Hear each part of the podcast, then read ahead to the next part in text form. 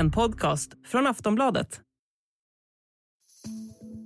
Företag och varumärken med kopplingar till Ryssland kan leva farligt när bojkottapparater sätts igång. Men hur stor makt har vi konsumenter? Efter Rysslands invasion av Ukraina har över 400 olika bolag och varumärken tills vidare eller tillfälligt lämnat Ryssland. Ukraina svartlistar den amerikanska livsmedelsjätten Mondelez som äger varumärken som Marabou, O'boy och Daim. Mondelez uppger att bolaget dragit in på marknadsföringen i Ryssland och att inga nya satsningar görs där.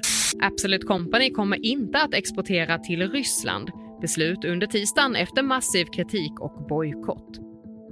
Rysslands invasion av Ukraina har påverkat många globala företag. De som har verksamhet i eller som exporterar till Ryssland har blivit hårt ansatta och kanske rent av bojkottade sedan kriget bröt ut. Många har fått lämna landet, några är kvar, några har fått backa på grund av massiv kritik. Som Absolut Vodka som efter att ha meddelat att de skulle återuppta export till Ryssland ändrade sig och stoppade alla leveranser förra månaden. Det senaste företaget som hamnat i blåsväder på grund av kopplingar till Ryssland är den amerikanska livsmedelsjätten Mondelez. De äger kända varumärken som Marabou, Daim och Boy Toblerone och Philadelphia. Alltså varumärken som prenumererar på en plats i många svenska kundkorgar. Ukraina har nu svartlistat Mondelez eftersom de anser att företaget bidrar till Kremls krigskassa genom att ha kvar fabriker i Ryssland. Så vad kan en sån här koppling göra för Sveriges mest kända choklad? Hur påverkas varumärken när bojkottstormar drar fram? Och hur stor möjlighet har vi konsumenter att påverka, egentligen? Det ska vi prata om i dagens Aftonbladet Daily. Jag heter Olivia Svensson. Gäst i det här avsnittet är Eva Ossiansson, ekonomie doktor och varumärkesforskare vid Handelshögskolan i Göteborg. Vi har ju sett många exempel på bojkottskampanjer sedan kriget i Ukraina bröt ut. Hur brukar det påverka varumärken när det blåser på det här sättet? Precis när det blåser som mest och när frågeställningarna är uppe till debatt och vi ifrågasätter huruvida ett varumärke och ett företag har agerat på ett korrekt sätt. Då kan det bli eh, rätt så kraftiga reaktioner. Sen över tid, så om det inte händer någonting mer som blåser liv i anledningen till varför eh, varumärket bojkottades från första början, det vill säga att du har verkligen gjort om och gjort rätt, så, så faller det ju lite grann i glömska. Men om det är då ett varumärke eller företag som hela tiden är, är ute i, i blåsten och det händer saker hela tiden, då kommer det spä på vår misstanke eller att vi helt enkelt tappar förtroendet för ett varumärke över tid. I det här fallet med Marabou så handlar det om en lite rörig historia med ett företag som äger andra varumärken. Eh, och nu har Mondelez meddelat att Marabou inte tillverkas i Ryssland. Kan det påverka kritiken? Alltså bryr sig konsumenter om den typen av strukturer till exempel? Ja, det är ju lite svårt med väldigt många olika företag och varumärken idag. För de ägs av multinationella koncerner som i sin tur äger väldigt många olika varumärken. Men till syvende och sist så handlar det någonstans också om att en huvudägare beter sig på ett speciellt sätt och har, står för vissa värderingar. Och då kan det vara svårt att frigöra sig från det, även om du inte tillverkar eh, det aktuella varumärket som du nu pratar om, Marabou som du nämnde. Så eh, kan det fortfarande innebära att eh, konsumenter är kritiska och att man ändå bryr sig om frågeställningen för att företag som äger um, Marabou eh, fortfarande agerar som de gör i den här frågan. Så mm, eh, det är komplext och svårt att hålla ordning på alla sammanhang och det gör ju också då att vi kanske ibland drar lite enklare slutsatser. Nej, nu är det så, eller att man förknippas som företag med eh, om man är en good guy eller bad guy. Och vi, vi kan jämföra det till exempel med i sammanhanget den här historien kring Oatly och eh, Blackstone och det som hände då när de sålde en del till det företaget och den kritik som uppstod då. Eh, och där brydde sig väldigt många av kunderna och konsumenterna om detta och bojkottade det företaget eh, i det fallet. Och det skadade företaget, det kan man liksom se i efterhand Absolut. att det här var skadligt. Ja. Mm. Men vad ska man som företag göra i den här situationen då? Säg att det börjar storma, säg att eh, människor eller andra medier till exempel uppmanar till, till bojkott. Vilka alternativ finns det för att hantera krisen? Ja, vi kan ju se vad, vad hände eh, initialt då i samband med när kriget bröt ut i Ukraina. För det var ju faktiskt en del företag som det stormade en hel del kring. Vi hade ju Ikea, vi hade Arla och så vidare. McDonalds. Och McDonalds, precis, vi hade Spotify och, och så. Och de flesta av de här företagen de valde ju faktiskt att agera på och reagera och, och försökte verkligen visa på genom olika handlingar att man skulle förändra sin verksamhet då. Eh, och eh, någonstans eh, också lyssna på den kritiken eh, som fanns.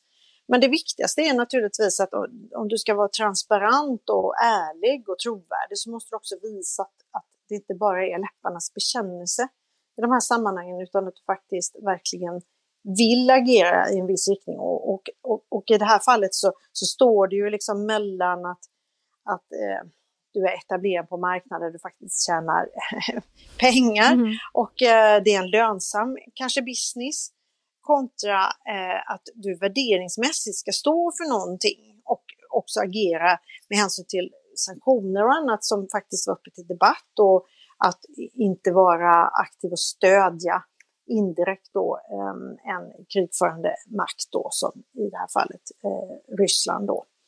Så, så, där var ju debatten väldigt tydlig ehm, hur eh, företag och varumärken eh, borde agera. Så i Marabos fall eller i det här fallet så är det ju viktigt naturligtvis att, att verkligen ta den på allvar. När man befinner sig i stormens öga är det lätt att trampa fel. Det har historien lärt oss. Men hur fel kan man trampa? Ja, det pratar vi om efter den här korta pausen. A lot can happen in three years, like a chatbot may be your new best friend. But what won't change? Needing health insurance. United Healthcare Tri Term Medical Plans, underwritten by Golden Rule Insurance Company, offer flexible, budget friendly coverage that lasts nearly three years in some states. Learn more at uh1.com.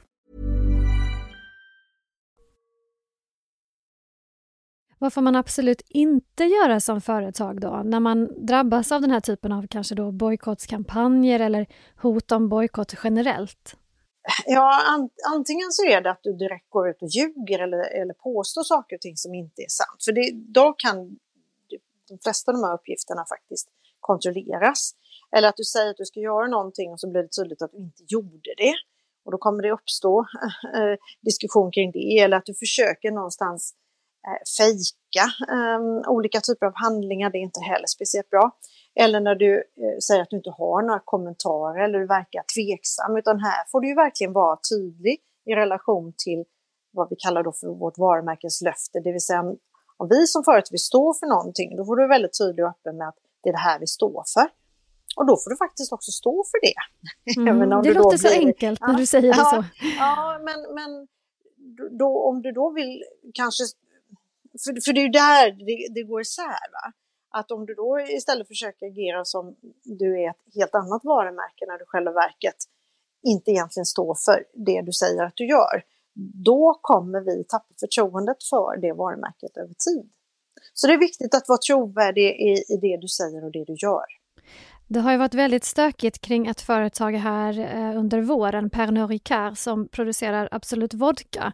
Och de fick ju till slut stoppa då exporten av sin vodka till Ryssland efter massiva påtryckningar.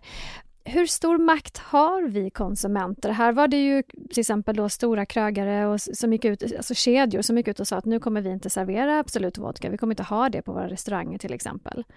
Det är en väldigt intressant fråga för att, eh, den är lite tudelad faktiskt, hur stor makt vi faktiskt har.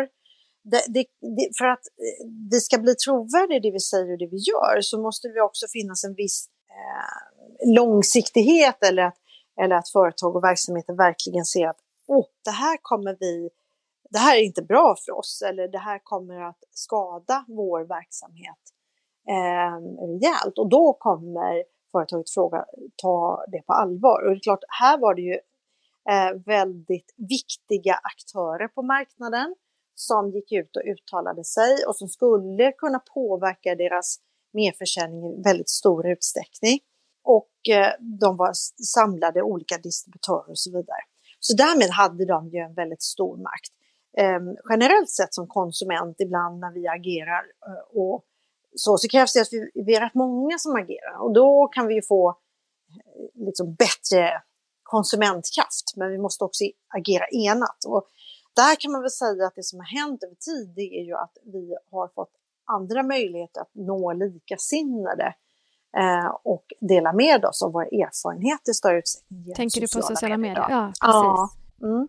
och, och, om vi då kan finna likasinnade, för väldigt mycket idag har ju också kommit att handla om värderingsstyrda varumärken, det vill säga att, eh, och syftesdrivna företag och varumärken. Det vill säga att företag eh, vill verka eh, inom, eh, de vill skapa relevans för sina varumärken, inte bara utifrån att man säljer en läsk utan att man vill stå för liksom andra mervärden eller det är inte bara en chokladkaka utan vi står för det här eller att vi är extremt hållbara eller vi, vi tänker på klimat och miljö och så vidare. Och det gör ju att, att um, de människor då som också tror på samma saker som de här företagen kanske vill ge sken av att de då också um, gör eller agerar efter.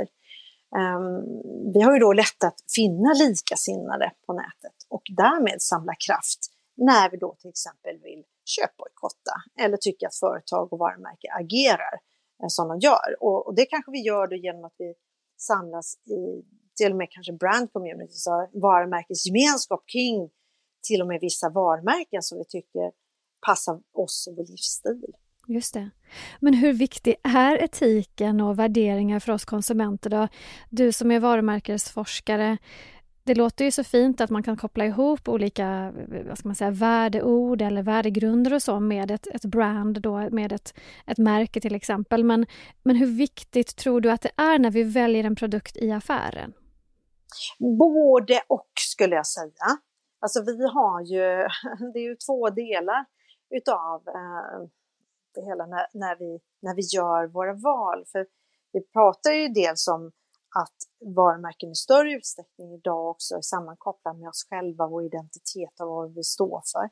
Men sen har vi också den här liksom, priskomponenten någonstans. Och då, då är det ju liksom en avvägning att stå för sina principer kopplat också till um, det här med vad, vad är jag då beredd att betala för att stå principiellt för, för en, en viss eh, liksom, inställning kring kanske ett företag eller ett varumärke. Å andra sidan kan jag säga så här att finns det väldigt många andra bättre alternativ du kan välja, det vill säga andra varumärken som faktiskt är schyssta och eh, står för bättre värderingar, så kanske jag eh, som faktiskt kund kan välja dem. Och de behöver ju inte nödvändigtvis vara dyrare då. Vilka stora bojkotter gentemot företag har haft något genomslag då genom åren om man ska tänka på där det verkligen har gett effekt att människor har gått ihop och bojkottat? Ja, det mest kända exemplet det är ju över tid, det är ju Nestlé och den här bröstmjölksersättningen. Och det är någonstans lever ju fortfarande kvar eh, den synen som finns och det bubblar upp lite då och då. Så det är ett sånt där klassiskt, klassiskt exempel. Just det, då var det att företaget marknadsförde eh, bröstmjölksersättning då i ut utvecklingsländer. Precis, mm. och tyckte att man skulle använda deras produkt eh, då istället för att du skulle amma dina barn själv. Och det ledde till eh, väldigt negativa konsekvenser för att de blandade det med förorenat vatten och de hade dessutom ont om vatten kanske. Och den bojkotten har så att säga stannat kvar i folks medvetande? Ja, den men det har det. Mm. Ja, någonstans har den eh, levt kvar över tid. Om man tänker på det här med varumärken just som har koppling till Ryssland, då, vad, vad tror du om framtiden för dem? Kommer alla till slut att behöva liksom göra slut med Ryssland, att sluta tillverka eh, produkter där, att sluta exportera dit om kriget fortsätter?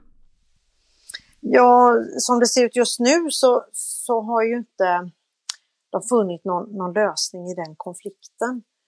Så att den tenderar att bli relativt långvarig. Och oavsett om den löses eller ej så, så kan det nog bli väldigt komplicerat att vara etablerad på den marknaden med hänsyn till det läge som har uppstått. Så att, um, det är en svår framtid um, som det ser ut i alla fall just nu om du har den kopplingen. Sist här hörde vi Eva Ossiansson, ekonomie doktor och varumärkesforskare vid Handelshögskolan i Göteborg. Jag heter Olivia Svensson och du har lyssnat på ett avsnitt av Aftonbladet Daily som är Sveriges största nyhetspodd. Och vi hörs igen snart. Hej då!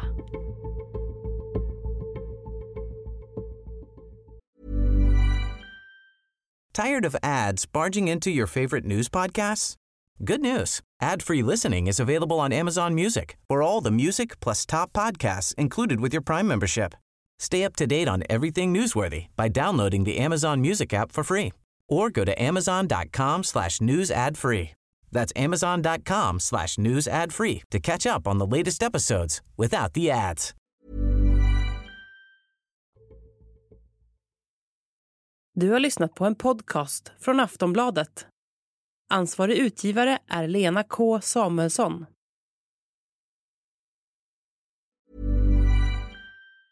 Tired of ads barging into your favorite news podcasts? Good news. Ad-free listening is available on Amazon Music for all the music plus top podcasts included with your Prime membership.